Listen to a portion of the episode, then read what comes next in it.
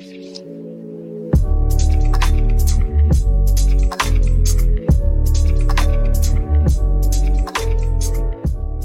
och välkomna till ett nytt avsnitt av Fredens hus-podden. Jag heter Oskar Olsson och som vanligt sitter Antonio Basala bredvid mig. Tjena! Eh, och det här är ju tredje avsnittet som vi spelar in och eh, visst känns det ändå som att vi börjar bli lite varmare i kläderna nu Antonio? Absolut, eh, det kan jag hålla med om. Ja. Eh, men i våra två tidigare avsnitt så har vi ju pratat om fördomar och om civilkurage och om man har missat dem så får man jättegärna gå in och lyssna på dem. Och de hittar man ju där poddar finns. Eh, ja, men med de orden så jag tycker att vi ger oss i kast med dagens ämne. Propaganda. Det gör vi. Eh, och eh, likt de tidigare avsnitten så kommer vi utgå från vår workshop i det här ämnet som då kort och gott heter En lektion i propaganda. Mm, så är det. Men vi tar det från början och varför är det då viktigt att veta vad propaganda är? Ja, eh, största frågan. Men eh, man kan säga så här, idag ökar ju mängden information hela tiden. Eh, det som man kallar desinformation och konspirationsteorier finns så gott som överallt. Eh, de finns liksom i olika syften och riktade mot olika målgrupper. Och att helt enkelt se vad som är sant och inte är inte alltid lätt. Eh, dessutom är det så att det här medialandskapet förändras väldigt, väldigt snabbt. Eh, och allt fler människor får helt enkelt sina nyheter via internet, oftast inbäddade i sociala medier. Men det här med att nyheter då sprids i sociala medier, jag, jag tänker att det kan vara en bra grej. Alltså jag tänker att då borde ju det vara fler och fler som får ta, faktiskt får ta del av nyheterna. Absolut, och, och det är jättebra. Eh, och tekniken är ju verkligen ett hjälpmedel och ska fungera som ett hjälpmedel. Men i samband med ett ökat nyhetsflöde ökar också kraven på oss människor. Att vi blir mer duktiga på att tolka och värdera källorna som sprider nyheter och nyhetsinformation. Eftersom allt vi läser kanske faktiskt inte är sant. Okej, okay, men eh, har du något exempel på varför vi, vi faktiskt behöver bli mer uppmärksamma? Ja, alltså jag tänker spontant direkt på, på det här fallet om en person som hade ofredat kvinnor på, eh, eller alltså kvinnor med slöja på ett pendeltåg för typ tre fyra år sedan. Okej, okay, ja men berätta lite mer. Ja, eh, alltså det här fallet handlar om en eh, person som hade ofredat kvinnor i slöja samtidigt som han provokativt visade upp bacon framför deras ansikten. Eh, den här personen ropade att han hatade muslimer och andra kränkande kommentarer. Eh, personen blev senare dömd för ofredande. Okej, okay, ja men det, det, låter ju ganska glasklart att, att det han gjorde inte var, var lagligt. Absolut, men eh, varför jag kom in på det här är för att jag tänkte berätta lite hur det här fallet kom att vinklas i olika medier över ett ja, en viss antal tid. Mm, absolut, kör. Det första nyhetsmediet som rapporterade om det här var lokaltidningen Märsta.nu. De skrev att en man hade blivit åtalad och dömd för att ha ofredat tre kvinnor med slöja på ett pendeltåg mellan Märsta och Upplands Väsby. En dag senare väljer sajten Fria Tider att skriva om det här fallet. De ändrar dock rubriken och väljer att lägga fokus på att mannen hade med sig bacon. Rubriken löd nu Man dömd för ofredande åt bacon framför muslimer. I artikeln, som de nu hade skrivit om en del, fanns ett starkt fokus på baconet och det faktum att mannen oskyldigt inom situationstecken ska ha ätit griskött framför kvinnorna. Men då tänker jag spontant att Fria Tider eh, är ju inte någon jättestor sajt så att det kan ju inte ha fått så himla mycket spridning. Nej, inte till en början. Men det är här det börjar bli intressant. Artikeln plockades upp av ganska inflytelserika högerextrema twittrare som översatte den till engelska och spred den internationellt. Den nådde sedan ut till inflytelserika nätaktivister i den amerikanska och ryska all right-rörelsen i den här nya artikeln på engelska försvann uppgifterna om att mannen förföljt kvinnorna och sagt att han hatar muslimer. Artikeln blev en världsnyhet som i slutändan landade i Sverige igen. När den landar i Sverige igen har som sagt versionen ändrats. Och det som rapporteras nu är något helt annat än domen. Och det är just på det här sättet som det skapas ett falskt narrativ och en falsk nyhet som går från att vara en kort förklaring av en dom i tingsrätten till att bli en nyhet som i det här fallet kretsar kring rätten att få äta bacon. Ja, okej. Okay. Ja, men det här är en ganska eh, ja, ab absurd historia. Men vad har det här med propaganda att göra då? Jo, eh, och det är det jag kommer till nu. För det är nämligen så att den här avsändaren använder sig i det här fallet utav en av de absolut vanligaste propagandateknikerna som finns, nämligen att förenkla information och vinkla fakta. Och det är därför det gäller helt enkelt att lära sig att känna igen propaganda och dess tekniker för att kunna tolka och ta ställning till vad budskapet är och framförallt vem avsändaren är. Följer avsändaren de pressetiska principerna som vi har i Sverige etc. Ja, mer om propagandatekniker tänker jag att vi återkommer till sen.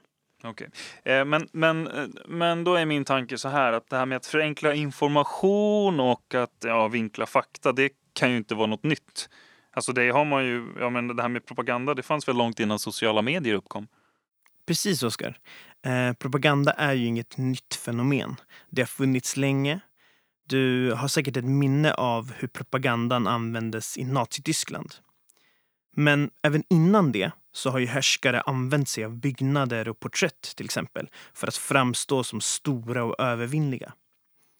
Om vi backar banden till 1700-talet så kan man nämna tidningar och när de började tryckas då användes ju de som kanaler för att sprida propaganda. Efter det var det mycket radio och tv och idag är kanske internet den absolut vanligaste kanalen för att påverka människors beteenden och attityder. Okej, okay, men, men nu, nu pratar du då, då alltså om att eh, påverka människor, människors beteenden och attityder. Att, men, men inte det man gör med reklam också? Alltså, betyder det att reklam är samma sak som propaganda? Ja, det är här det blir intressant. Eh, jag skulle definitivt säga att de är väldigt lika varandra. Eh, precis med tanke på det du är inne på. Men jag skulle säga att begreppen används lite i olika sammanhang och med olika syften. Jag skulle säga att reklam syftar till med hjälp av olika knep i sin marknadsföring då framförallt främja försäljning av en vara eller tjänst. Medan propaganda syftar till med hjälp av språk, bilder eller andra symboler påverka människors värderingar, åsikter eller handlingar i en bestämd riktning. Okej, okay. men, eh, men, men då är all propaganda negativ? Alltså som, men, som, som den som nazisterna då använde sig av mot till exempel judarna, eller? Det man kan säga det är att propaganda alltid är vinklad, brister i saklighet och alltid har till syfte att påverka på något sätt. Men den behöver inte alltid vara osann. Propaganda används för att väcka olika typer av känslor för exempelvis en folkgrupp eller sakfråga.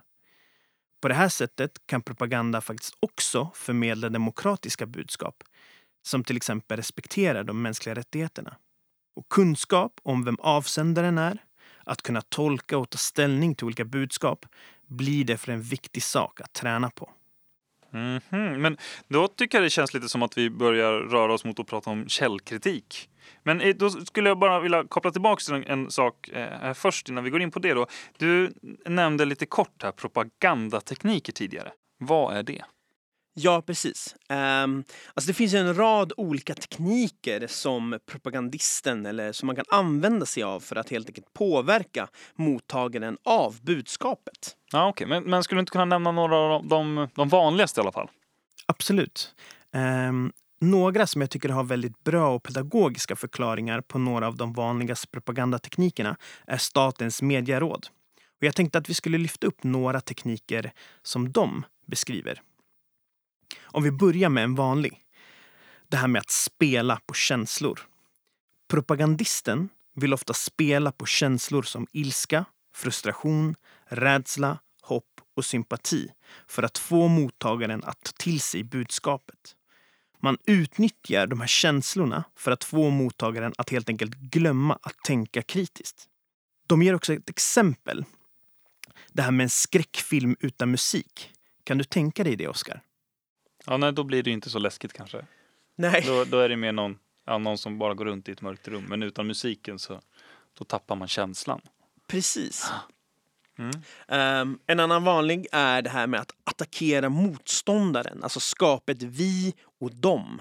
Hitta en gemensam fiende och helt enkelt övertyga den som tar emot budskapet att om man tar bort den här personen eller gruppen så kommer allt bli bra igen.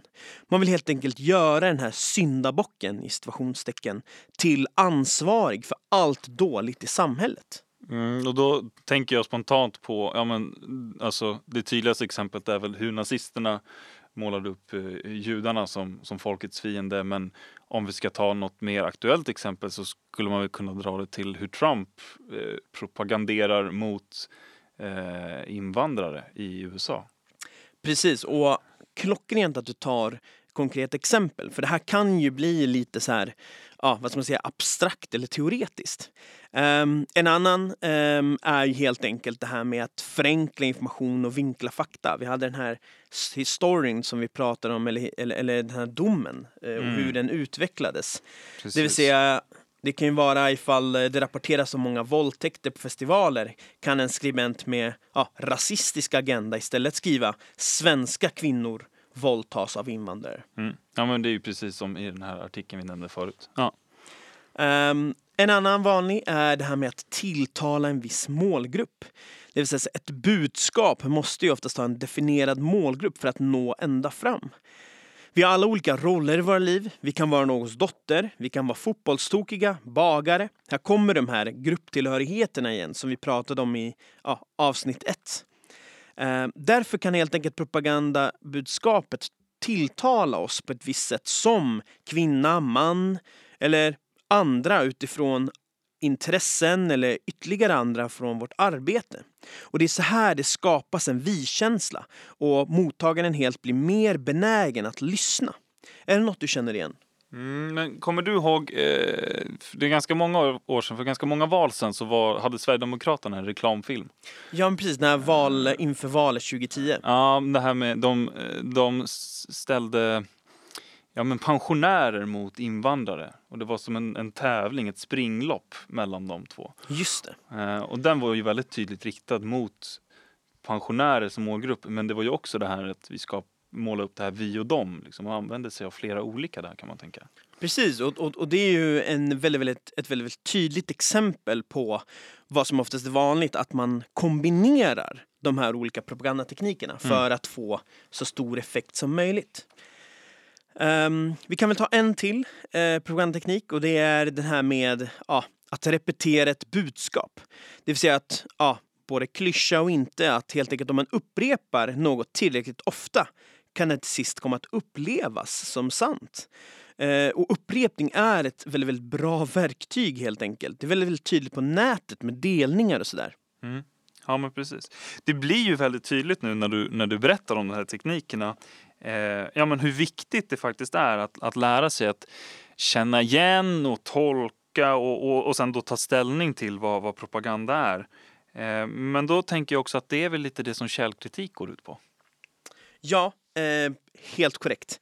Um, förenklat kan man säga att källkritik är att helt enkelt noggrant granska texter, filmer, ja, ljud, bilder och andra källor. Och det här görs ju för att helt enkelt bedöma på om man kan lita på källan.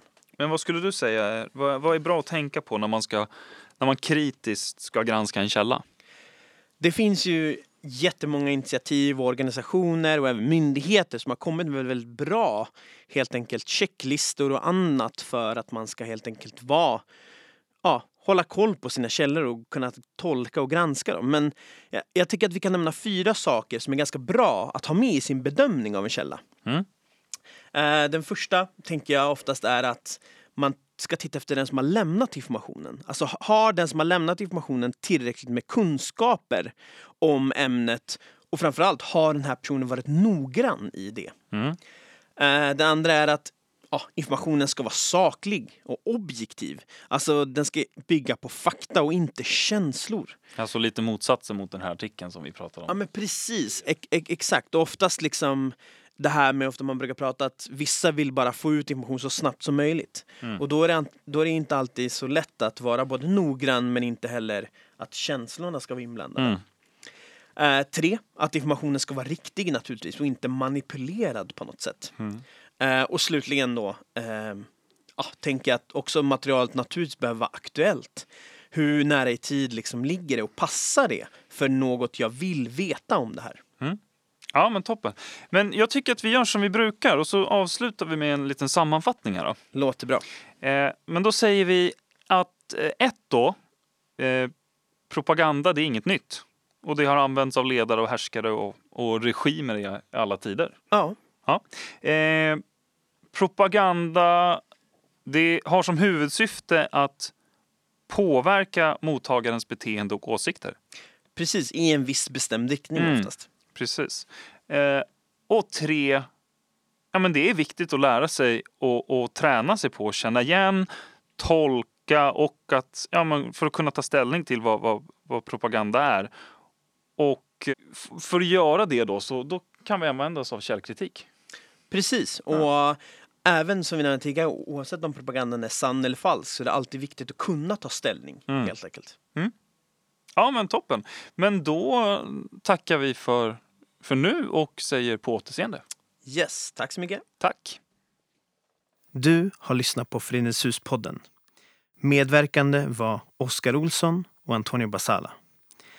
Podden är producerad av Marcos Montserrat. Besök gärna vår hemsida, föreningshus.se. Bli medlem och stötta Föreningens Hus arbete för en mer socialt hållbar värld.